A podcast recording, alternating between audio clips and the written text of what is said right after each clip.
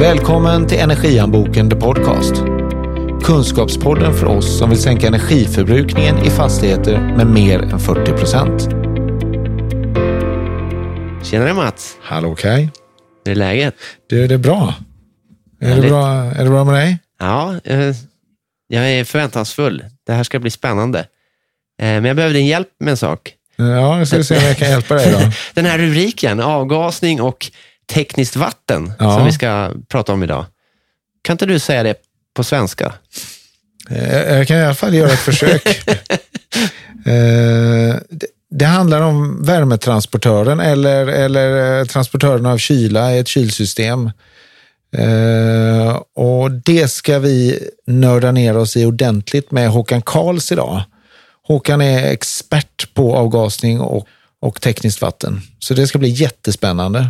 För det här är, det här är lite svårt på riktigt. Ja, spännande. Och ett stort, en stor utmaning i många fastigheter. Ja.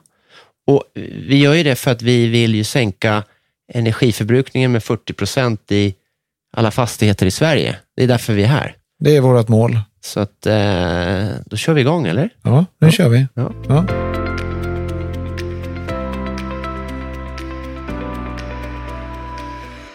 Välkommen Håkan. Tackar, tackar. Eh, det här eh, avsnittet handlar ju om avgasning och tekniskt vatten. Kan inte du som vet vad det här handlar om, berätta, eh, vad är det för någonting eh, vi ska Eh. prata om? Eller liksom, vad, vad är...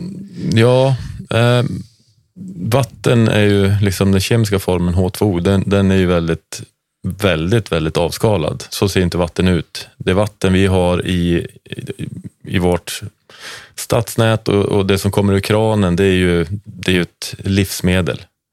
Det är anpassat för att vi ska kunna dricka det. Livsmedelsverket kravställer hur det ska se ut. Man gör kontroller flera, flera gånger om dagen. Så att, ja, för det är ju allvarligt, annars kan vi bli sjuka. Liksom. Ja, precis. Och det här har man ju lärt sig. Vi är, vi är otroligt bortskämda med förmodligen världens finaste vatten. Och, och Det är lätt att tänka att vatten är vatten. Men det finns ju Olika kvalitet på vatten. olika kvalitet på vatten. Ja. Ja. Det är som när folk eh, reser till, på utlandssemester. Hur många är det som dricker ur kranen där? Ja, det beror på var man åker, men de flesta Ja. dricker nog...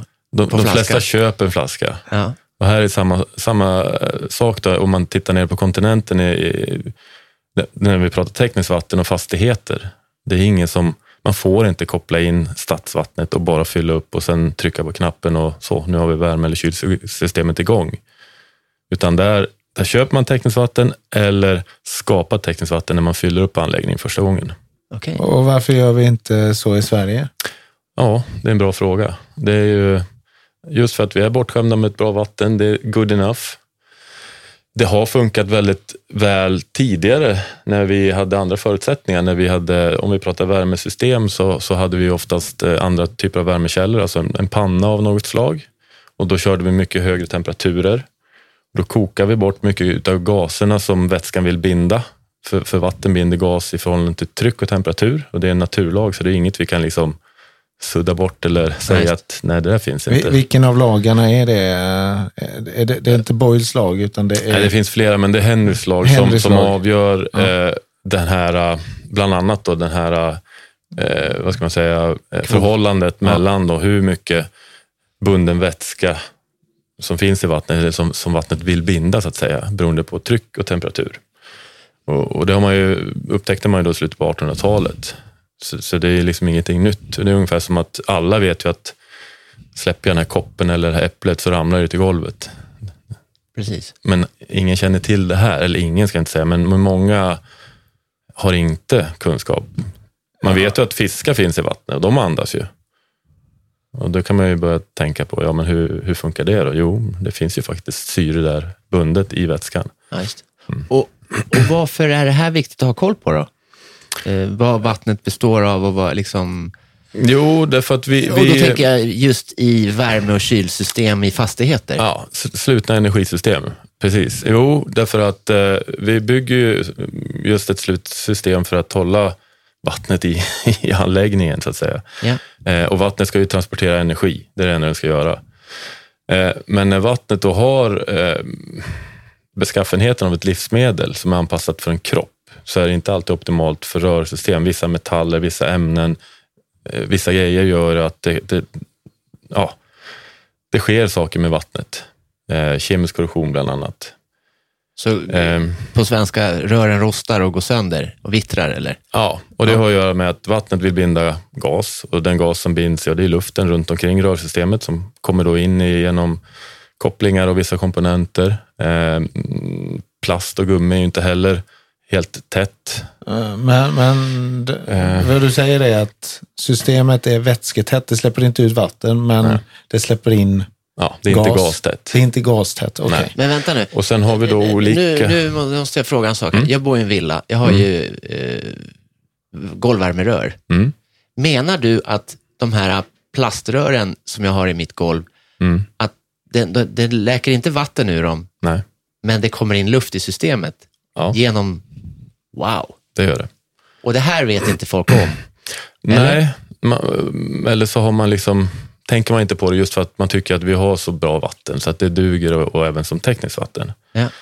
Eh, Men vadå, det, det skulle väl hända även om du hällde i tekniskt vatten i... absolut. Det, det har ingenting med vattenkvaliteten att göra. Nej, de fysikaliska lagarna upphör ju inte att gälla. Nej. De är ju de samma. Och det är därför det är så viktigt då att avgasa vattnet, så man hela tiden plockar ur eh, gaserna som, som vattnet vill balansera upp sig med, så att säga. Ja. Eh, så en, en konstant avgasning.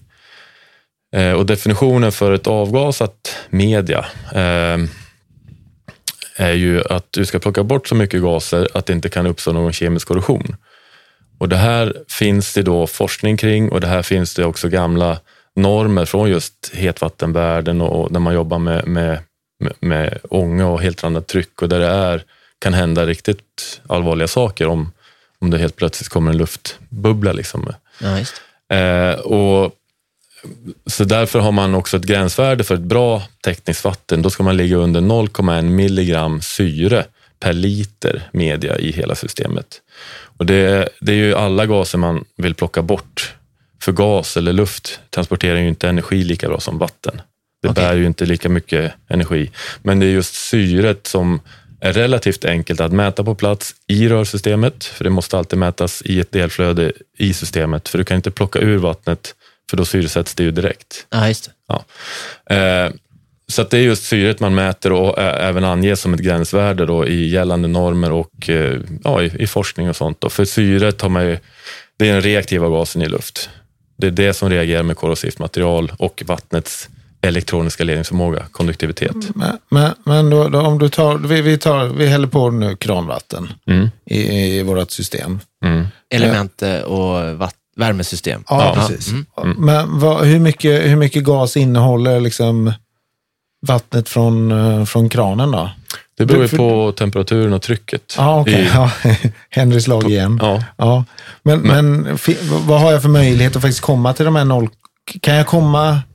Är det fel på systemet eller, eller kan jag komma ner till noll, vad sa du, 0,1 milligram milli... 0,1 milli- ja. per liter. Nej, det, det är väldigt svårt utan någon form av avgasningsteknik. Du kan, alltså om, om man tittar på, nu, nu går vi mot höst och vinter och, och värmesäsong så att säga. Ehm, då är kanske här i Stockholm i alla fall att, att eh, medelvärdet på temperaturen på stadsvattnet, det vi får in till fastigheten kanske är, säg 4-5 grader varmt vintertid.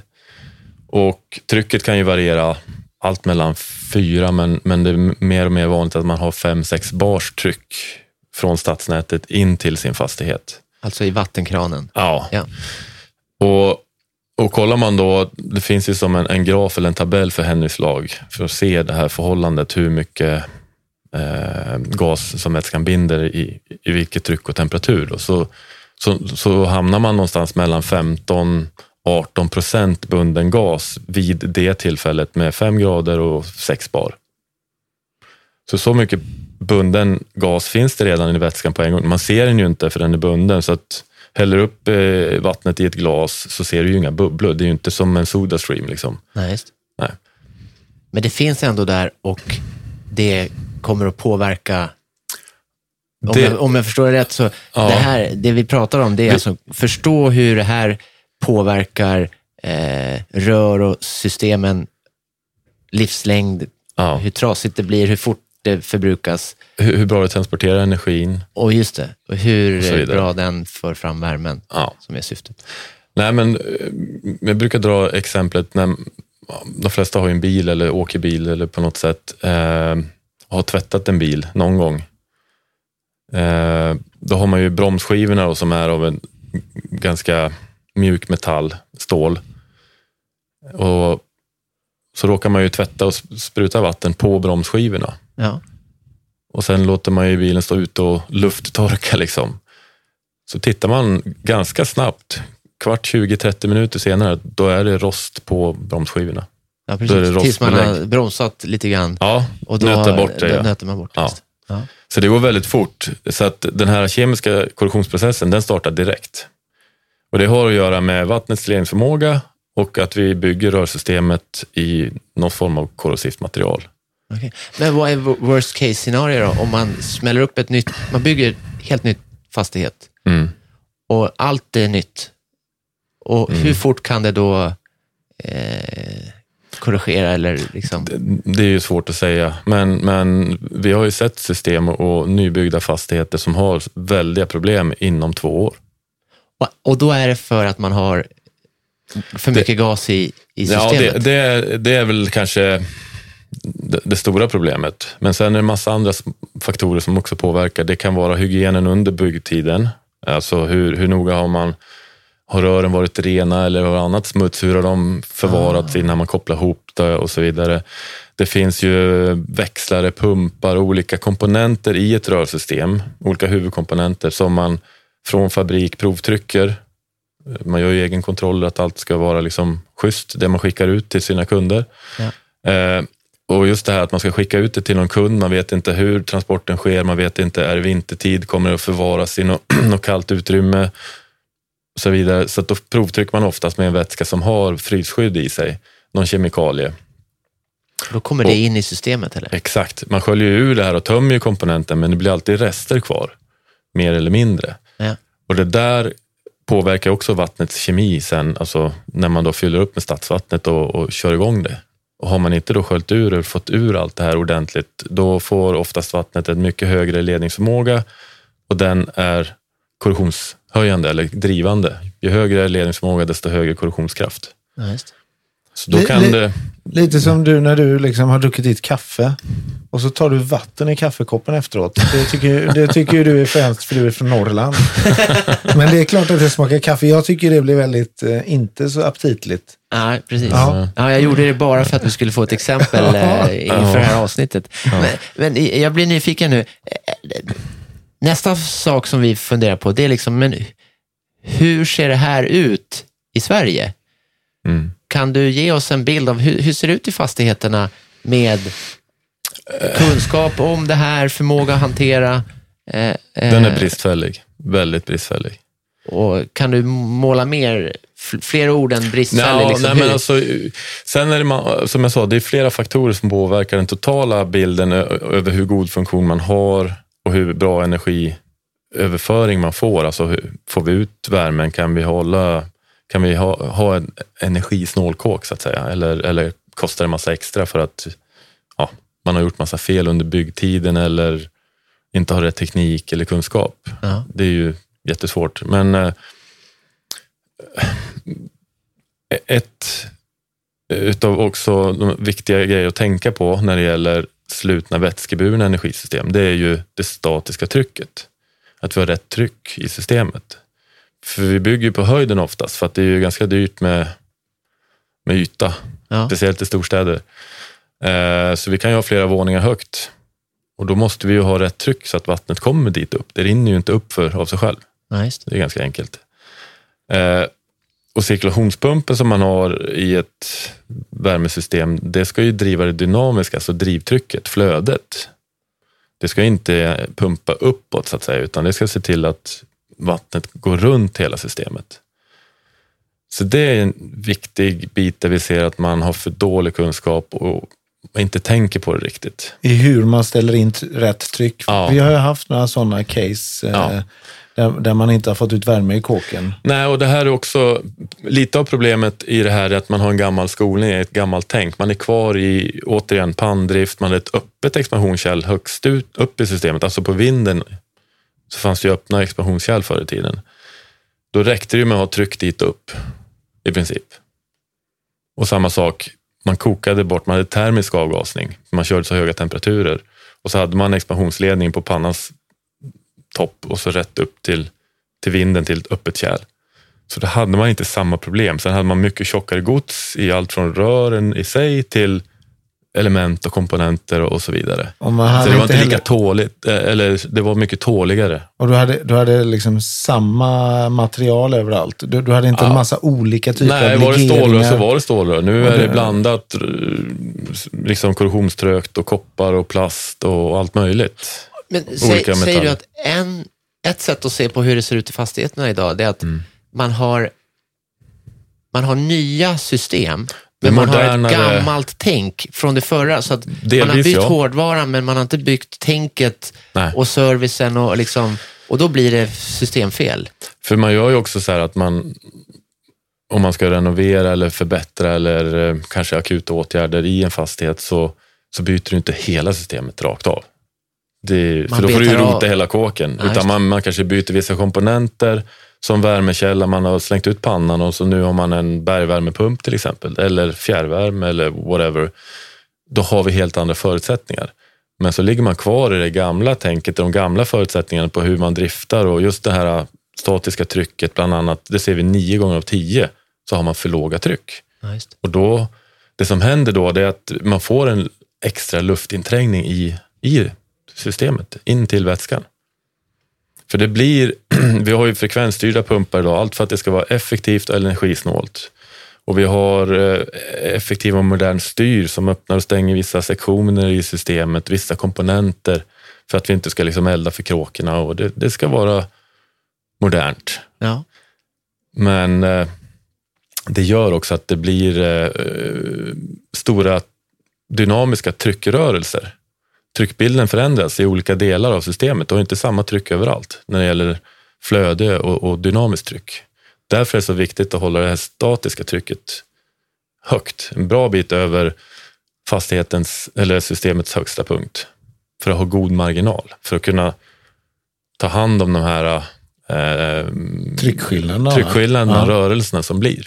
Okej. Och där har man inte hängt med i tänket, märker vi. Ehm, så många har alldeles för låga tryck. Men vem är det som sätter, när, när det byggs en ny fastighet, vem är det som sätter det trycket då? Är det, är det, är det projat från konsultledet eller är Ja. det rörmokaren som eh, Det- ställer in det själv? En bra fråga. Från början är det nog någon form av proj och, och, och teoretisk beräkning. Ja. Proj, eh, för mig Ja, som är Projektering. Projektering, Ja. är konsulten som har ritat Ja. och berättat hur det ska vara. Liksom.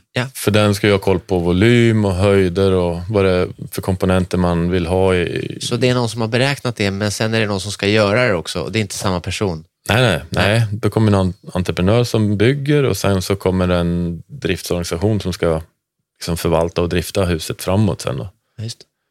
Och så tar de in någon röris ibland vid något, ja, Men, du Håkan, jag, tänk, jag tänker, jag bara gå tillbaka till de här nybyggda fastigheterna. mm, Eh, som kollar, om det, om det finns normer för hur det här tekniska vattnet ska vara beskaffat. mm, Finns det, fin, kollar besiktningsmännen nej, och testar det vattnet? För det, och varför gör de inte det?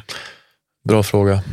Vi, eh, den normen som beskriver bland annat kravställandet på eh, ja, tekniskt vatten, om man nu ska kalla det det, även då hur vi bygger ett slutet energisystem.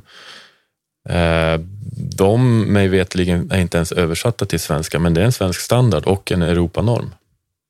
Det är SSEN 12828 med några tilläggssiffror då för senaste version. Den normen tror jag inte än idag är översatt till svenska. Den är på tyska och engelska. Men, men jag tänker att utsätter inte jag mig som byggare, för jag har ju ansvar för det här som Jo. totalentreprenör. Jo. Utsätter inte jag mig för en massa risker jo. Eh, för det, det är oftast en underentreprenör till mig som har, eh, som Ja. har byggt och Det- fyllt på systemet och ställt in det. Det är det här som, som, mycket av det här är ju det som gör att kostnadsbilden blir så, alltså man har ett projekt och så har man en kalkyl från början och så tar man in anbud, så man har till och med liksom priser på att okej, vi har fått anbud, så egentligen ska den här fastigheten kosta så här mycket att bygga.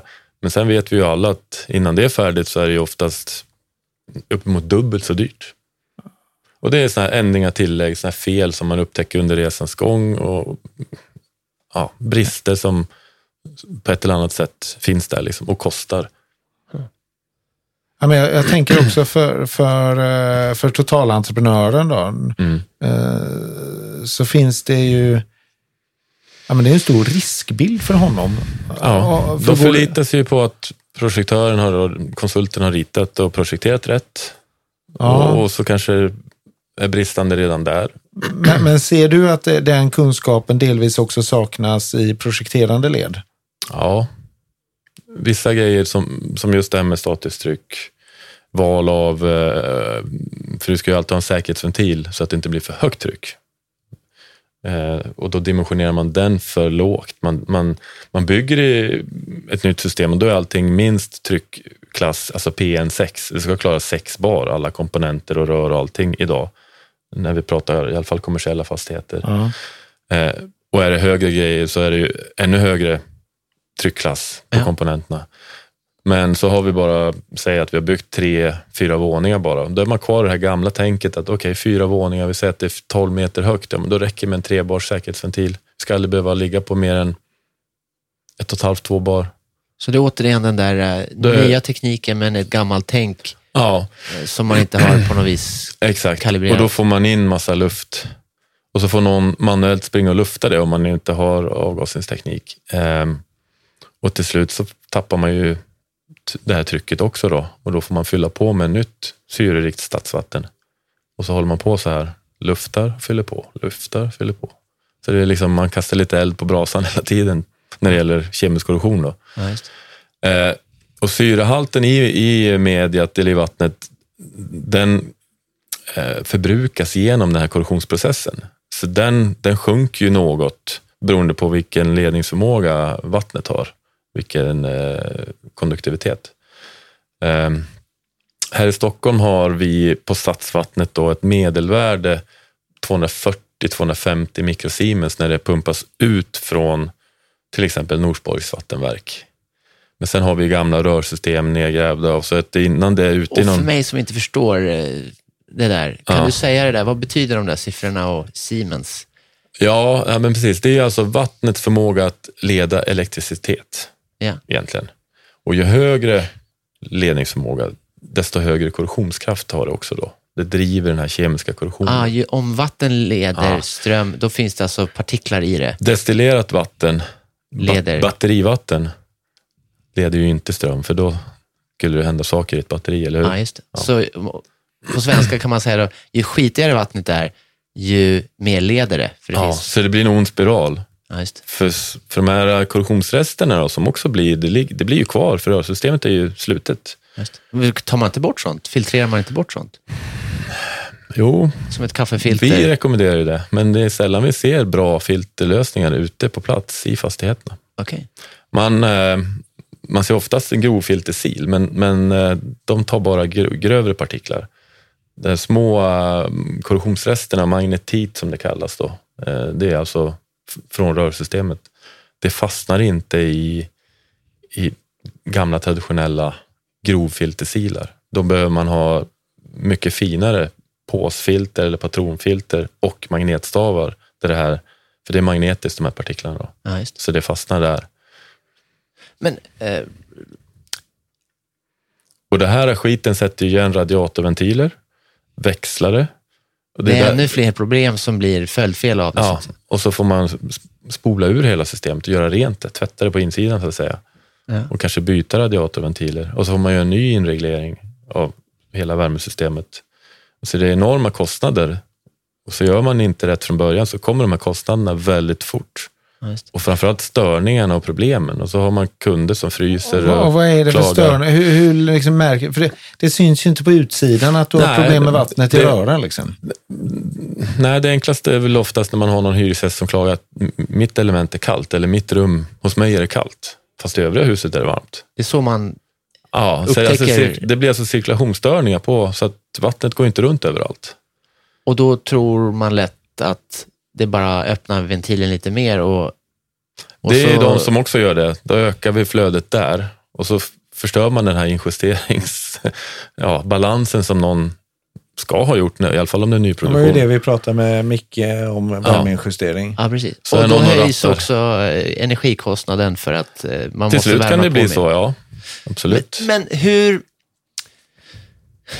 är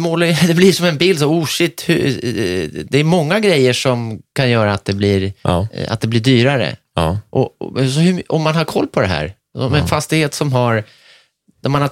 och höjs rattar. också eh, med den här kontra en fastighet man inte har gjort. Vad, Mm. vad blir det för skillnader i liksom besparingar i, i kronor Det- eller i det- procent? Eller hur? Ja, det, det där är jättesvårt att säga om. För även om du bygger två fastigheter efter samma ritningar så är de inte helt identiska.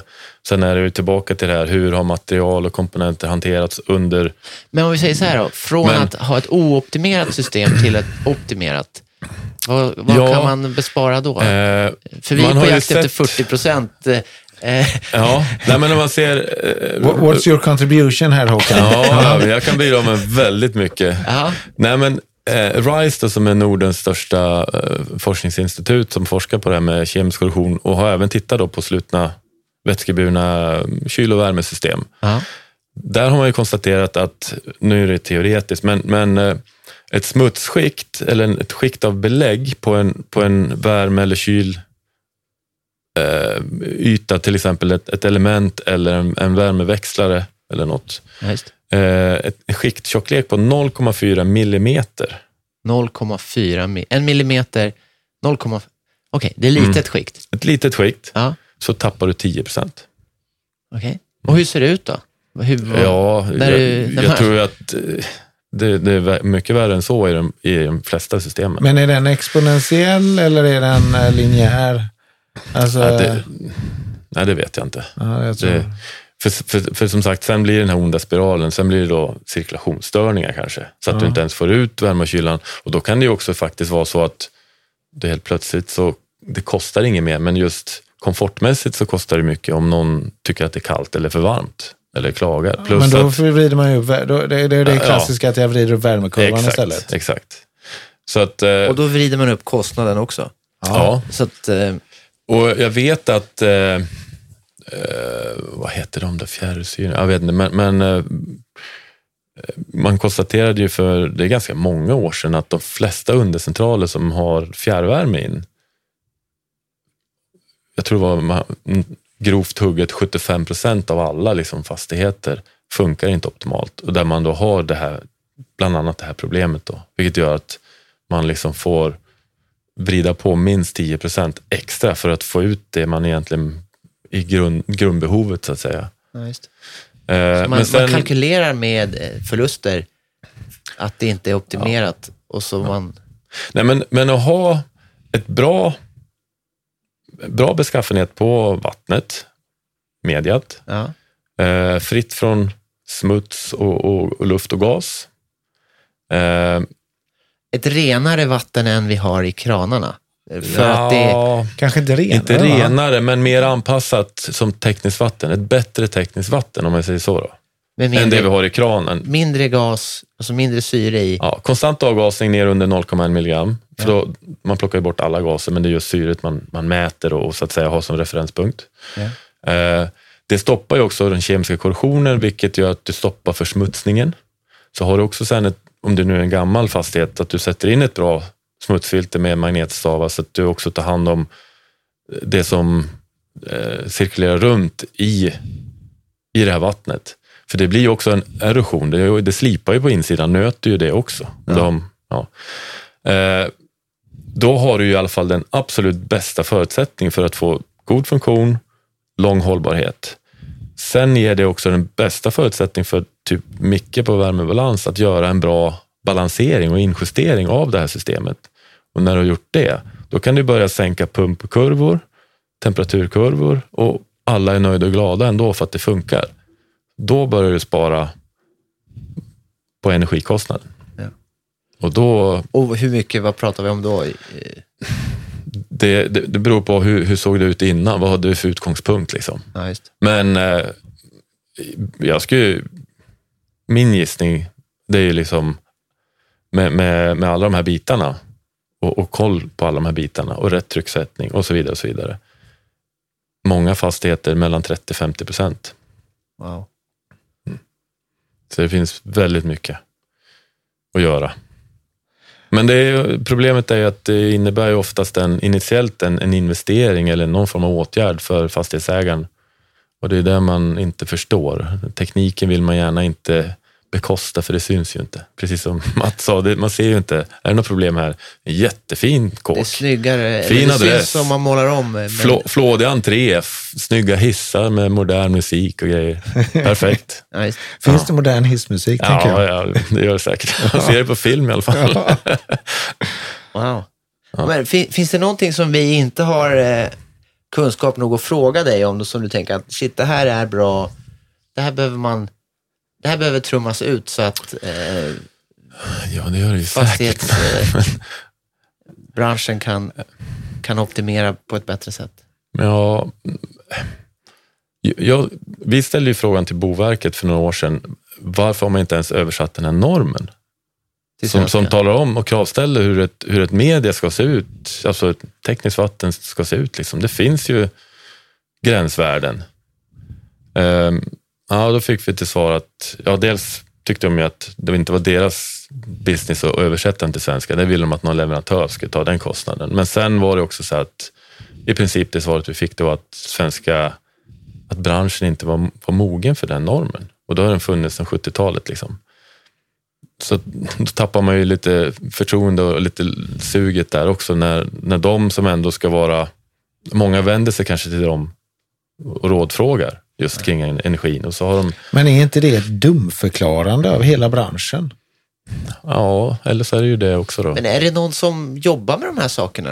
Då? Alltså, finns Nej, det, alltså vi, vi, alltså, vi finns gör ju det Jag tänker och vi på, informerar ju liksom de vi träffar, men vi är ett väldigt litet bolag. Jo, eh, det, det Eh. förstår jag att ni jobbar med det och det finns folk som jobbar med att göra de här sakerna. Men jag Mm. tänker på kundsidan, finns det fastighetsbolag som aktivt jobbar med att ha koll på de här grejerna? Ja, det Eller- vet eller jag inte. det Alltså, det, går ju, det går ju åt det hållet, men man, man har blivit mycket mera och lägger mera aktiviteter kring att verkligen säkerställa för att, att man får bättre hållbarhet, får bättre funktion. Eh, man, många vill äga sina fastigheter längre. De jobbar, alltså den typen av organisation där man har ett långsiktigt tänk och en lång horisont. Där är det ju mer vanligt att man, man tittar kanske även ner på detaljnivå. Var, varför funkar det inte eller vad kan vi göra bättre? så har man hållbarhet eh, på sin radar så är det lättare Alla pratar om hållbarhet idag, Ja. men, men få har kunskapen om vart, vart ska man börja. Ja, hur, hur- hur, hur man? ser, hur ser den här liksom kedjan ut? Var börjar det, var slutar det? Alltså hur långt är ett snöre? Och de här detaljerna, vi jobbar ju liksom, vi är väldigt smala, men, men vi är duktiga på de här bitarna. Men det är vi ganska ensamma om också då. Men det här lägger ju, det handlar ju om förutsättningar. Det är ju liksom, återigen, en naturlag. Det är liksom inget vi kan ändra på. Det är som det är. Då måste vi ju ta hänsyn till det. Då måste vi göra rätt saker ute, ute efter de förutsättningar vi har för att det ska bli så bra som möjligt. Så det här är inte bara vad man stoppar in för grejer utan att man också eh, kalibrerar och har ser- servare så att det är, är optimerat. Liksom. Ja, det är ju, det är ju som... Alltså vi går ju på regelbundna hälsokontroller, även om vi känner oss frisk. Vi servar bilen regelbundet. Besiktaren Vi förhoppningsvis. besiktar den förhoppningsvis regelbundet och allt det där. Men, men inte fastigheter. Där har man inte den här strukturen eller kulturen och tänket. Vi gör ju det på ventilationssidan. Ja, där eh, har man ju- eh, obligatorisk ventilationskontroll, Ja. OVK. Men vi gör det inte på, på värmesidan på det sättet. Eller ja, kylsidan så mäter vi ju, där är det ju F-gasförordningen och, och vi mäter eh, eh, Ja, vi, ja, eh, eh, så att inte systemet läcker, läckagekontroll gör vi och, och rapporterar Ja. till myndigheterna och sådär. Ja. Eh, Men vi mäter ju inte effektiviteten i, i eh, Nej, det, nej, precis. Vi kollar ju inte vad vi har för liksom, status på, på varm, värme eller kylsystemets Nej. media. nej. Och det är ju förutsättning för hur väl det funkar och hur länge det kommer att hålla. Så att det här är ju något som man skulle gärna se att, att, det, att det kommer in på marknaden. Man måste tänka om här och, och börja ta med mediet som en huvudkomponent och behandla det därefter och gärna regelbundna kontroller och Och gör man de här kontrollerna? Är det liksom, tar man ett prov och skickar in eller vad, vad gör man? Ja, eh, du kan göra en kontroll på plats. Om, om vi nu pratar vatten. Vi, vi gör ju analyser på plats. Vi kallar det för indikativ analys. Alltså en statusbedömning här och nu. Och då mäter vi, kollar vi pH-värdet. Eh, vi kollar eh, ledningsförmågan och vi mäter syrehalten. Och med de tre liksom parametrarna så får man en bra bild över hur mår det här systemet. Sen tittar vi också självklart, är det liksom grumligt och bubbligt eller, och är, hur smutsigt är det? Och får man också lite eh, möjlighet att intervjua någon som är drift, som kan systemet eller van att springa i den fastigheten, då får man en väldigt tydlig bild över hur systemet mår här och nu. Och kanske också lite historik, hur har det funkat? Har man haft mycket störningar? Vad, vad är det som händer? Liksom? Och då kan man ju också se framåt sen, vad behöver man göra för att säkerställa funktion och drift och, och hållbarhet? Och en, en god energiprestanda. För, Sen för det är väl steg, också, det, energiprestanda det är ju det som sker från dag till dag, men sen har du Mm. livslängd på systemet. exakt. Dåligt, ja. Alla som bor i, i, eh, i lägenheter i någon, någon bostadsrättsförening eller något, de vet ju hur jobbigt och kostsamt det är att göra stambyte. Liksom. Och kan man förlänga det många, många år. Men det här är inte stammarna, det, det, för det, det är avloppsstand. Men, Ja, men, men det här, men jag- jag- men det här är, ja, ja, Ja. det är inget kul. Nej. För det blir samma sak här, till slut så är rörsystemet slut. Då måste du byta det och då är det hela kåken. Liksom. Ja, precis. Ja. Wow. Nej, men så, och steg två, det är så här, märker man att här, får vi, här har vi väldigt konstiga värden eh, som, och väldigt smutsigt eller någonting. Eh, då, skickar, då tar vi vattenprover och skickar till labb också. Så får labb göra en, en, en riktig analys och kolla. Då får man liksom mera beståndsdelar. Vad finns det i det här vattnet? Hur, hur mycket koppar och järn och olika metaller och så vidare. Och, så vidare. och då får man en ännu större bild över, Läget. över läget. Ja. Ja, just. Det, jag tänker att vi behöver börja släcka ner det här. Eh, men vi har en pro programpunkt kvar som vi tänkte. Det, Ja. Det, det är lite mer eh, roligt. Har du någon sån här riktig rövarhistoria? Vad, vad är det värsta du har sett där ute? Liksom? Någon sån här som är... Ja, det värsta jag har sett. Alltså, vi ser ju väldigt mycket smutsiga system. Alltså, det är inte bara svart vatten utan det är liksom svart gröt som knappt går att pumpa runt. Sådana saker. Men hur vanligt är det då? Tyvärr vanligare än man tror. Ja, men vad, ge, ge, säg något, en på hundra eller? En på En tio, på tio eller en eller- på tre eller vad? Ja, de där extrema, det är nog, det är nog mera kanske en på hundra så. Men, men att det är väldigt smutsigt och ja, mycket smutsigare än vad, än vad man vill se i ett, i ett liksom, eh, värme eller kylsystem som ska, ska bära värme eller kyla. Det, det är väldigt vanligt. Där är det nog ja, var fjärde, var femte Varför? system har, har behov av filtrering. Som har, nu, om vi pratar om från, från två, tre, fem år och, och äldre fastigheter så att säga, så är det väldigt vanligt att det är smuts redan. Så jag, jag tolkar det som att det finns mycket utrymme för effektivisering, Det gör det. kalibrering av Absolut. och besparingar därmed. Absolut. Det, behovet är stort. Och det, många organisationer, i och med sin passivitet så bygger man upp den här underhållsskulden. Den ökar ju för varje dag egentligen. Ja. Man skjuter det problemet framför Ja, sig. och så får man de här dyra akuta läckorna och, och stoppen eller felen. Liksom. Ja. De blir ju mycket, mycket dyrare att åtgärda än, än ha budgeterat och planerat underhåll. Eller göra, jobba proaktivt. Börja med Eh, en statuscheck. Vad fan är vi idag? Hur funkar det idag? Få in förslag på åtgärder. Vad kan vi göra? Och, och också då budgetera den kostnaden så fort som möjligt för att i slutändan hålla nere kostnaderna och, och få ett mycket bättre eh, fungerande system och med, med bättre hållbarhet och framförallt energiprestanda. Men hur många, hur många fastighetsägare har kontroll på, på sitt tekniska vatten? Det är nog det är vä- väldigt fåtal som har det.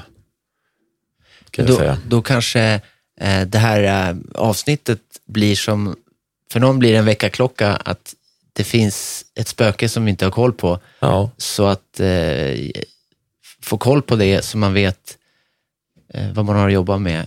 Men Ja. också att eh, man börjar växla från akut Det- till förebyggande.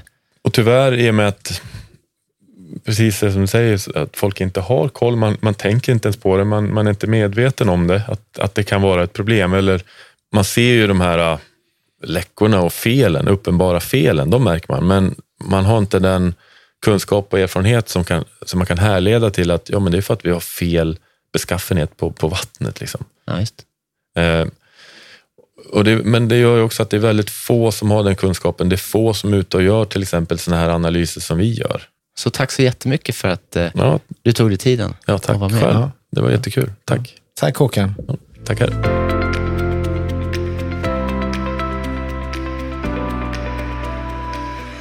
Du, eh, du Kaj, du ser nästan lite eh, fundersam ut efter samtalet med Håkan. Ja, skulle man ta en bild nu, jag skulle se helt slut ut. Min hjärna går på högvarv. Det här är ju så intressant. Och så komplext va? Ja, precis. Det går mycket bandbredd åt det här.